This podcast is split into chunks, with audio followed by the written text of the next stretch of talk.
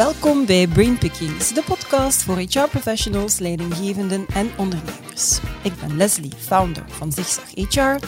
En met Zigzag HR dagen we jou uit om jezelf en je vakgebied heruit te vinden. Abonneer je dus zeker op dit YouTube-kanaal of volg ons op jouw favoriete podcastkanaal.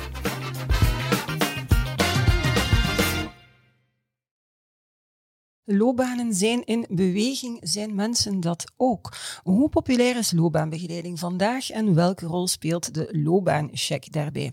Dat gaan we uitzoeken. In een reeks van drie podcasts kruip ik samen met Paul Verschuren, regionaal directeur Vlaanderen bij Federgon, in het hoofd van drie experten die daar bijzonder veel over te vertellen hebben.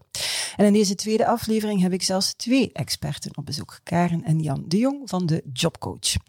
Wie meer voldoening zoekt in zijn werk, wie toe is aan een loopbaanwending of gewoon vragen heeft bij zijn loopbaan, kan loopbaanbegeleiding volgen. Wie doet daar vooral een beroep op en wie nog niet? Waar lopen de meeste mensen eigenlijk op vast? En hoe zien Karen en Jan het systeem van loopbaanbegeleiding zelf het liefst evolueren? Heel erg benieuwd. Welkom. Goedemorgen. Goedemorgen. Goedemorgen. Welkom op de kantoorboot in Gent beetje file moeten trotseren, heb ik het net gehoord. Ja, uh, ja oké, maar toch van harte welkom. Ja, ik hoop dat jullie het hier een beetje aangenamer vinden. Super. oké, we, gaan, uh, we gaan erin vliegen. Hè. Dankzij de loopbaanchecks kan je als werkende professional of ondernemer voordelig begeleid worden bij je huidige carrière of bij het maken van een carrière switch. Die checks worden gefinancierd door de Vlaamse overheid en zorgen ervoor dat je eigenlijk voor 7 uur loopbaanbegeleiding slechts 11,5 euro per uur moet betalen. Jullie zijn actief in gans Vlaanderen. Wat ik mij dan afvraag natuurlijk is, wie doet vandaag vooral al een beroep hè, op loopbaanbegeleiding? Is er bijvoorbeeld een specifiek profiel dat oververtegenwoordigd is en wie is dat dan? En hoe komt dat dan? Ja, uh, zoals de naam al zegt, uh, het zijn actieve werknemers mm -hmm. die uh, worstelen met de invulling van hun loopbaan. Mm -hmm. er zijn een paar opvallendheden in dat profiel. Ehm, ik denk vooral op, in de eerste plaats qua geslacht. Mm -hmm. uh, twee op de drie deelnemers aan loopbaanbegeleiding uh, zijn vrouwen. Okay. En dit opvallend omdat eigenlijk bij de werkende bevolking meer mannen actief zijn dan ja. vrouwen. Dus ja. vrouwen zijn meer met een loopbaan? Vrouwen bezig? zijn duidelijk meer met hun loopbaan actief bezig, denk ik, Zouden we dan kunnen mannen vandaag. Ja. Mm -hmm. En mm -hmm. dat cijfer blijft vrij stabiel. Okay. Een beetje raar, maar ja. het blijft vrij stabiel in de loop van de laatste jaren.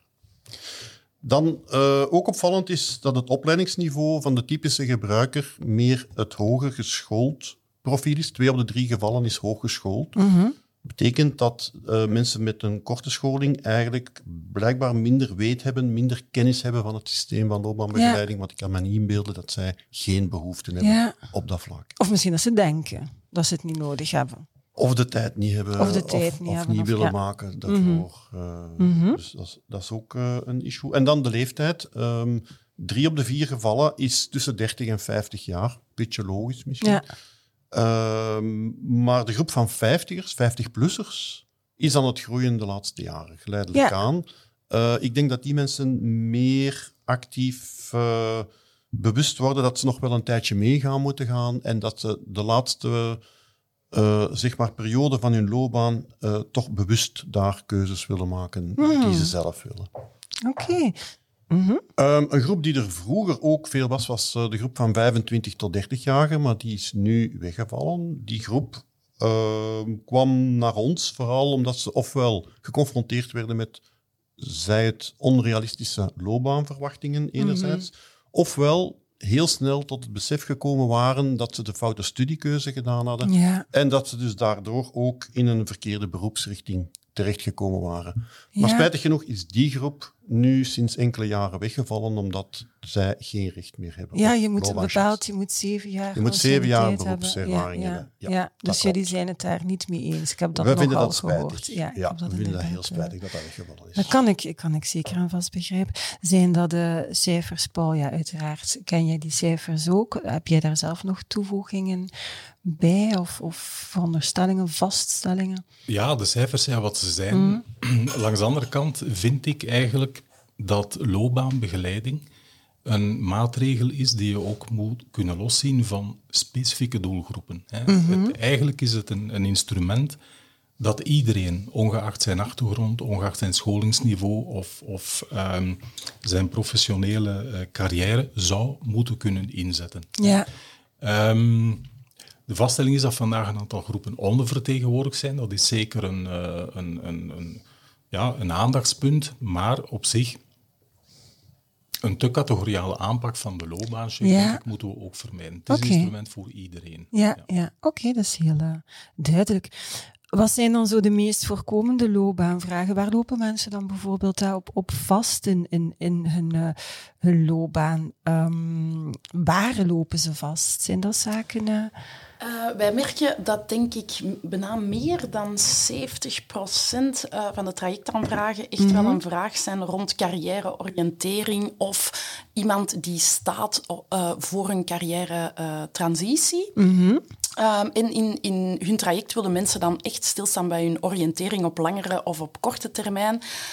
en ze willen eigenlijk een duidelijk perspectief uh, zowel op korte termijn als op lange termijn van wat ga ik doen uh, met mijn carrière. Mm -hmm. uh, in, in welke sectoren, jobs of in welke rollen kom ik het best tot mijn recht eigenlijk. Um, en dan in de tweede plaats zien we ook wel heel vaak issues rond work-life management. Mm -hmm. Vooral tussen 30 en 50 komt dat heel vaak voor, ook na 50. Um, waarbij dat ze echt willen reflecteren rond thema's, rond werkrelaties, maar ook rond grenzen stellen en zo verder. Mhm. Om eigenlijk daar te gaan kijken van wat voor soort carrière of rol of wat voor soort um, omgeving of systeem komt eigenlijk tegemoet aan de work-life uh, balance die ik wil uh, hebben of kan hebben. Ja. Uh, en dan in het, la, in, in, uh, in het laatste geval, ik denk dat dat minder, wel minder dan 10% is, uh, merken we ook mensen die echt een grote carrière-transitie verlangen. Hè. Dat merkt een zeer groot verlangen naar bijvoorbeeld een leiderschapspositie of een ondernemersrol. Mm -hmm. Um, en dan gaan we vaak samen op zoek, is dit haalbaar en wat is er nog nodig om misschien op korte of op langere termijn dit waar te maken. Dat kan ook heel simpel gaan over een, uh, een side hustle, noemen we dat. Ja, het, ja. het, het, uh, het, starten van een, een eigen ondernemersproject, vaak klein beginnen, uh, maar ook echt plannen maken voor een, de opstart van, of de overname van een grote onderneming.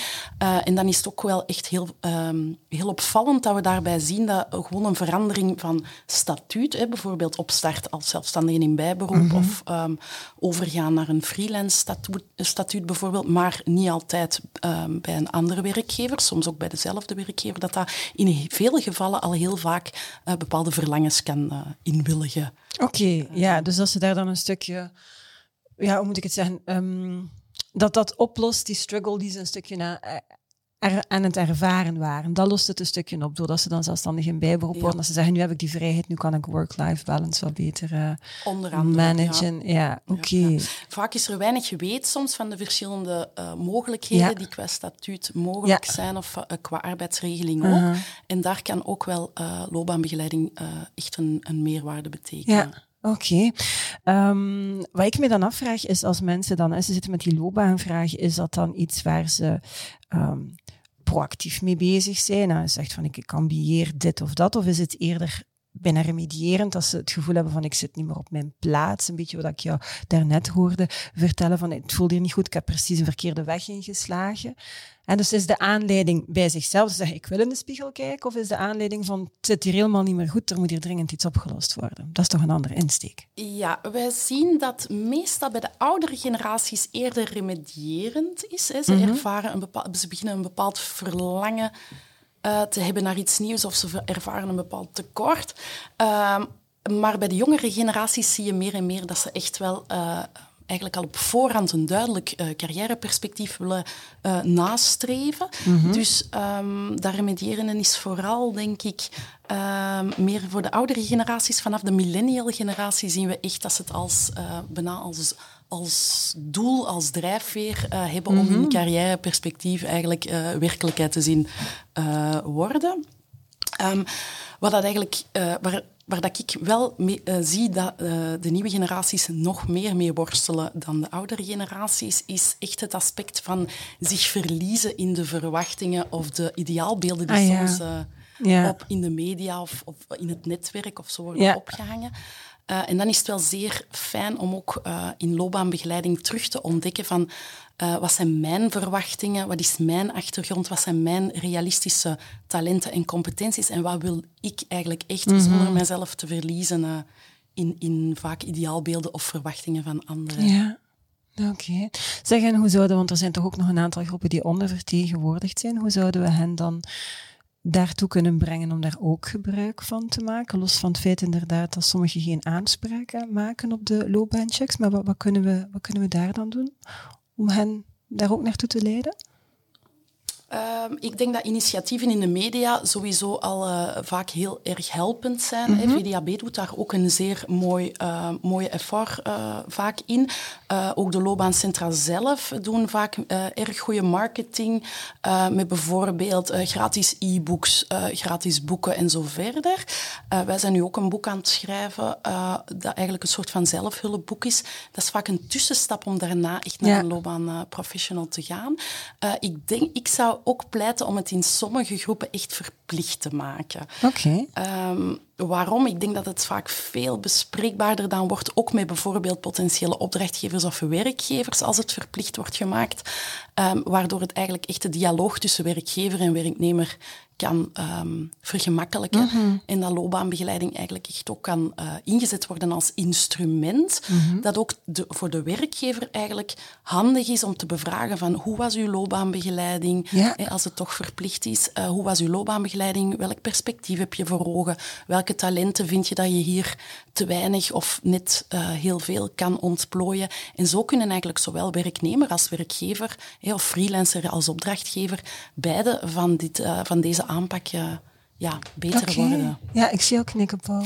Ja, ja, uh, dat klopt. Ik, ik, ik, zie eigenlijk wel een parallel tussen het gebruik van de loopbaancheck bij, bij sommige groepen en de, de wijze waarop diezelfde groepen participeren aan opleiding. Mm -hmm, en eigenlijk is, is um, de gemeenschappelijke of de grootste gemene deler van beide uh, van die onderparticipatie is eigenlijk dat er een te weinig bewustzijn is over de carrière. Hè. Ja. Waar wil ik naartoe met mijn carrière? Waar wil ik staan binnen vijf jaar?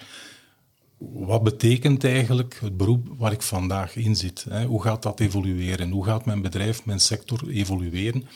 En het is verdorie moeilijk. Hè? Uh, je bent 30 jaar, je hebt nog te gaan tot 65, 67 jaar. En dan moet je eigenlijk de, de reflex hebben om na te denken over een loopbaan hè, die, die nog 35 jaar duurt. Wat zijn de instrumenten die je daarvoor hebt? Wat is de kennis die je daarvoor hebt? Wat zijn de inzichten die je daarvoor kan gebruiken? Niet eenvoudig. Hè? Mm -hmm. Dat is niet iets dat je gaat bespreken met, uh, met je ouders of niet mm -hmm. iets dat je gaat bespreken met, met je echtgenoten. Daarvoor heb je echt een, een uh, in mijn ogen een externe nodig die met kennis van zaken eigenlijk samen dat proces met jou kan, kan uh, doorlopen. Ja. Dus die awareness, dat loopbaandenken en het, het, vooral het gebrek daaraan, mm -hmm. dat, dat, zie je eigenlijk ook bij die ondervertegenwoordiging van ja, bepaalde ja. groepen. Ja, absoluut. Waar maakt een loopbaanbegeleider eigenlijk zo het grootste verschil? Waar zit die grootste meerwaarde dan? Je zegt zelf en net ook, Paul, van uh, uw, uw partner. Ja, je kunt daar wel een babbel mee hebben, maar enfin, dat, uh, dat is niet op een professionele manier. Dat gaat zeker niet objectief zijn, volgens mij. Waar zit de grootste meerwaarde van zo'n persoon, een loopbaanbegeleider? Ja. Ik zal daar kort op antwoorden. Mm -hmm. Voor mij is dat het feit dat het gaat over een extern iemand die op een neutrale, onafhankelijke manier met de juiste coachingvaardigheden, met de juiste arbeidsmarktkennis en met, met de juiste inzichten rond het domein werk en, mm -hmm. en mens, eigenlijk die, die, die loopbaan kan benaderen en die loopbaanvraag van, van dat individu kan, uh, kan inschatten. En daar ja. ook mee aan de slag gaan. Ja. Ja. Maar dat mm -hmm. externe, dat onafhankelijke, vind ik eigenlijk in deze Een heel belangrijke, ja. ja, ja. Oké, okay, dat is heel duidelijk. Karen? Uh, ja, inderdaad. Ik ben helemaal... Uh akkoord eigenlijk, eh, arbeidsmarkt heel goed kennen, uh, er eigenlijk echt voor zorgen dat jouw uh, klant um, niet alleen zelf de uh, organisaties en jobs um, of het carrièreperspectief vindt dat hem of haar eh, gelukkig maakt of waardeert, maar ook zien dat de andere partijen hem of haar vindt. Eh, weer, helpen met personal branding, mm -hmm. helpen met zichzelf te ontdekken en zo verder. en daarbij is onafhankelijkheid zeker cruciaal. Ja. Oké. Loopbaanbegeleiding gaat maar effectief zijn ook als die medewerker of, of de professional ervoor open staat. Er moet ook een klik zijn sowieso met Als er iemand tegenover is, dat mag nog zo'n professioneel ervaren iemand zijn. Als ik die niet leuk vind, gaat dat niet effectief verlopen. Er moet ook vertrouwen zijn in elkaar, lijkt me. Welke indicatoren zijn volgens jullie zo nog allemaal bepalend om tot een effectieve loopbaanbegeleiding te komen? Um, voor mij is een, een, een, loopbaanbegeleiding effectief, denk ik, als, er, als iemand echt buiten gaat met een heel duidelijk carrièreperspectief um, en een heel goede zelfkennis um, qua competenties en uh, talenten. En wij, ik denk dat dat te meten valt, maar daar zijn wij zelf nog mee aan het uh, experimenteren. Mm met bijvoorbeeld uh, daarna een meting van de algemene werktevredenheid. Hè. Gaat die, hoe evolueert die voor versus na de ja, ja. begeleiding? Uh, maar ook van in hoeverre mate maakt iemand daadwerkelijk achteraf een, een, daadwerkelijke carrière-transitie. Mm Zowel binnen een firma dan uh, dan extern. Uh, en ook als laatste, eventueel bijvoorbeeld in geval van, uh, van non-activiteit of ziekte, in hoeverre mate of binnen welke termijn, welke impact heeft die loopbaanbegeleiding op eventuele heractivering, ja. om, om eigenlijk allez, om de impact van de loopbaanbegeleiding goed te kunnen meten. En ik denk als we die die zaken bijvoorbeeld goed kunnen meten, dat we denk ik een, mm -hmm. toch wel kunnen spreken over een grote impact. Ja de aanpak. Maar dat wordt dus nog niet gemeten, die relatie, of dat wordt nergens in kaart gebracht. Te eendimensioneel. Ja. Dus nu gaat het echt vooral over tevredenheid. Ja. Uh, uh, over de mate waarin de, de loopbaanvraag al dan niet beantwoord wordt. Um, maar eigenlijk is het moment gekomen, na tienduizenden loopbaanbegeleidingen ja, is dat met toch... de loopbaancheck, ja om eens eigenlijk die black box te openen. Ja. Dus je hebt eigenlijk aan de ingang uh, tienduizenden mensen met, met loopbaanvragen. Je hebt daar binnen dat proces van loopbaanbegeleiding met methodieken, met, uh, met een pop die daaruit voortvloeit. Mm -hmm. uh, de, de, de, de, het antwoord op de vraag die mensen gekregen hebben. En dan zou het nuttig zijn om inderdaad eens te kijken wat heeft dat nu gedaan ja. voor die persoon. Hè. Ja. Uh, naar transitie, al, desnoods in, in het bedrijf. Hè. Het hoeft niet altijd een externe transitie te zijn, laat ons wel wezen. Wat heeft dat gedaan met de ontwikkeling van zijn competenties? Hoe is die gegroeid? Mhm. Uh, eigenlijk missen we dat vandaag, Ja. maar is dat een beetje de missing link eigenlijk ook om, om mensen en, en misschien ook politici, beleidsmakers die nog enige twijfel zouden hebben over Mhm. de loopbaanbegeleiding, om die te overtuigen van de effecten. Ja. En dan denk ik gaat men vrij snel tot het inzicht komen dat de loopbaancheck geen kost is, maar echt een investering. Ah ja, ja, absoluut. Maar daar ben ik het mee eens. Want je kunt ja, of de loopbaanbegeleiding zelf goed gelopen is, een tevredenheid. Enquête, survey, enfin, dat, uiteraard is dat ook belangrijk om te kijken of die dienstverlening as such goed is. Maar het is vooral het andere verhaal, van hoe, hoe impacteert dat inderdaad op duurzame, te, ja, op, op de, de duurzame tewerkstelling. Hoe, en, en dat wordt dus nog niet Te weinig. Ik denk dat eigenlijk die loopbaancheck, dat zit een beetje op het kruispunt van, van eh, werkzaamheid en werkbaarheid. Ja, Hè. Want dat, is ja, een beetje de- ja. de- dat zijn eigenlijk de twee invalshoeken van Mhm. waaruit die loopbaanvragen ontstaan. Ehm, willen we mensen langer aan het werk houden, mensen die aan het werk zijn, dan is de loopbaancheck het juiste instrument om eh, die, die, die reflectie mee te helpen Ja. vormgeven. En werkbaarheid, heel veel van de loopbaanvragen hebben te maken met, met dat evenwicht, het zoeken naar evenwicht. Ehm, voelen mensen zich goed in hun job, in hun carrière? Wel, die loopbaancheck zit op dat snijpunt. En je hebt die twee nodig voor Mhm. duurzame loopbanen en een gezonde arbeidsmarkt. Ja. Ja, en dan denk ik, dan zou het dan wel iets moeten zijn waar iedereen gebruik van kan en mag of zou moeten mogen kunnen maken. Maar nu is het recht op loopbaanbegeleiding, dat is bijvoorbeeld ook maar om de zes jaar. En niet iedereen kan sowieso participeren. Ik heb daarnet toch wel al bij Jan een duidelijke opmerking gehoord van dat, eh, dat er eigenlijk daar wel een issue is, dat de jongere mensen daardoor geen gebruik kunnen van maken. Hoe, hoe kijken jullie daar verder? Hoe moet het dan anders? Moet het dan effectief voor iedereen zijn? Ik denk dat het eerst, onze eerste job is om misschien samen met eh, in samenwerking met VDAB of Federgon of enkele van onze Mhm. eh, conculega's eh, projecten eh, te ondernemen om die, die impactmeting eigenlijk Mhm. nog duidelijker te maken. Als we die zouden kunnen aantonen, waar dat ik vrij zeker van ben, op een cijfermatige manier, dan denk ik dat er zeker groot politiek draagvlak kan ontstaan om, om, om de doelgroep verder uit te breiden, Mhm. waarbij dat, dat wij dan zeker denken aan de jongeren, maar ook de ouderen en zeker de inactieven. Mhm. Ja, ja. Ehm, waarbij dat er een zeer grote markt ook is bij de afwezigen, de, de, de, zie- de zieken momenteel.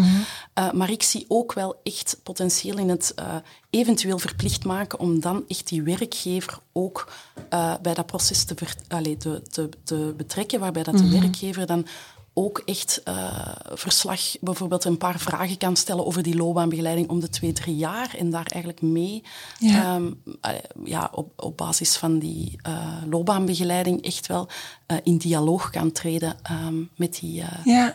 Met die werknemer. en, de, en op die manier kan er veel, mee, veel openlijker, denk ik, over eh, iets als carrièreperspectief, carrièreverwachtingen, eh, talenten eh, gesproken worden op de werkvloer zelf ook. hè.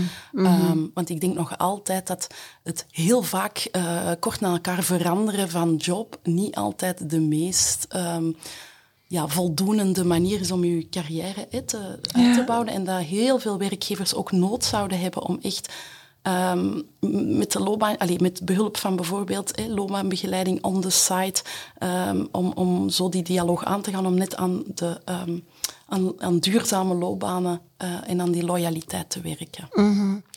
Je gaf ook aan om de twee of drie jaar.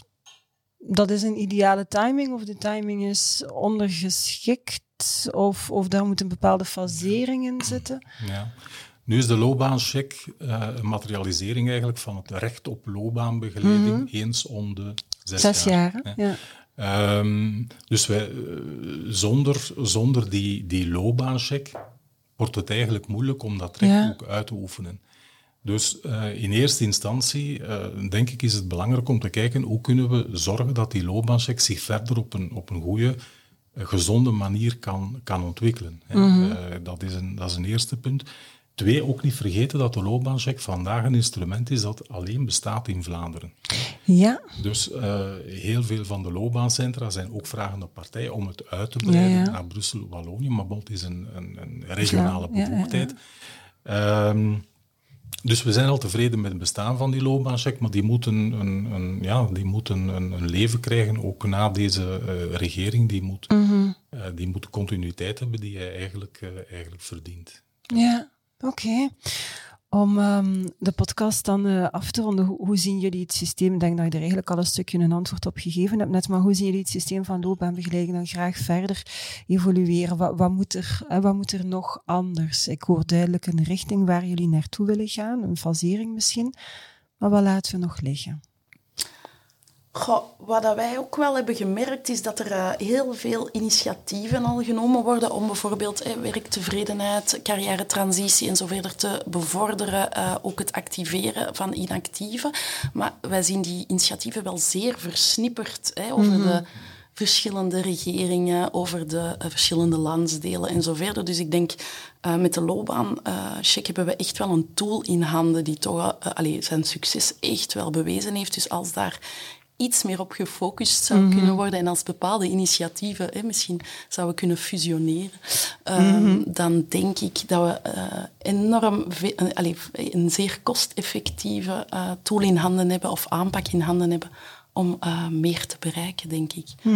Ehm, Ja. Ik zie, ik zie Om aan te vullen- om aan te ja. Mhm. vullen wat Paul zei, hè, het gaat over werkzaamheid en werkbaarheid. Er zijn heel wat initiatieven momenteel die versnipperd gebeuren. De loopbaancheck kan daar zeker op zich, mochten we het kunnen uitbreiden tot ook Mhm. de activering van de niet-actieven, waar we toch volop naar op zoek zijn. Hè. Daar kan de loopbaancheck een grote rol in spelen, denk ik. Ja. Mocht die daar ook voor toepasbaar worden. Ja, oké, dat is een duidelijk standpunt. Paul, het laatste woord is voor jou. Ja, eh, ik kan mij uiteraard aansluiten bij wat, wat Jan en, en Karen eh, zeggen. Ehm, een bezorgdheid ook van, van het landschap vandaag is toch ook de verdere professionalisering. Ik denk dat we daar ook een aantal stappen kunnen zetten. Dus je, je hebt eigenlijk een, een vrij breed en, en uitgebreid landschap. Maar centra zelf willen, willen eigenlijk die stap vooruit zetten. Dus die, die, professionalisering, uh, die deskundigheid, dat borgen, hè, die, die, die zaken, ja. dat is toch wel iets uh, waar, waar ook aan, aan, aan gewerkt wordt in de komende ja. periode. Ja, dus het, mag, het moet laagdrempelig zijn, maar het mag niet ten koste gaan van de professionalisering. Uh, integendeel. Ja, integendeel. ja, ja. Oké, okay. okay, dat is uh, heel duidelijk, heel heldere standpunt. En ik hoop dat de juiste mensen naar de podcast luisteren om ermee aan de slag te gaan. Ik wil jullie ook heel erg uh, hartelijk bedanken voor het gesprek. Merci. Graag gedaan. Ja. Dankjewel ook aan, uh, aan jullie om te kijken of om te luisteren. Vond je deze podcast fantastisch? Vertel dat dan natuurlijk aan zoveel mogelijk mensen verder. Heb je honger naar meer? Weet dan dat er nog heel veel podcasts te beluisteren of te bekijken zijn via jouw favoriete podcast-app of via ons YouTube-kanaal. Allerbelangrijkste, weten jullie al, it's a great time to be in HR. Tot de volgende.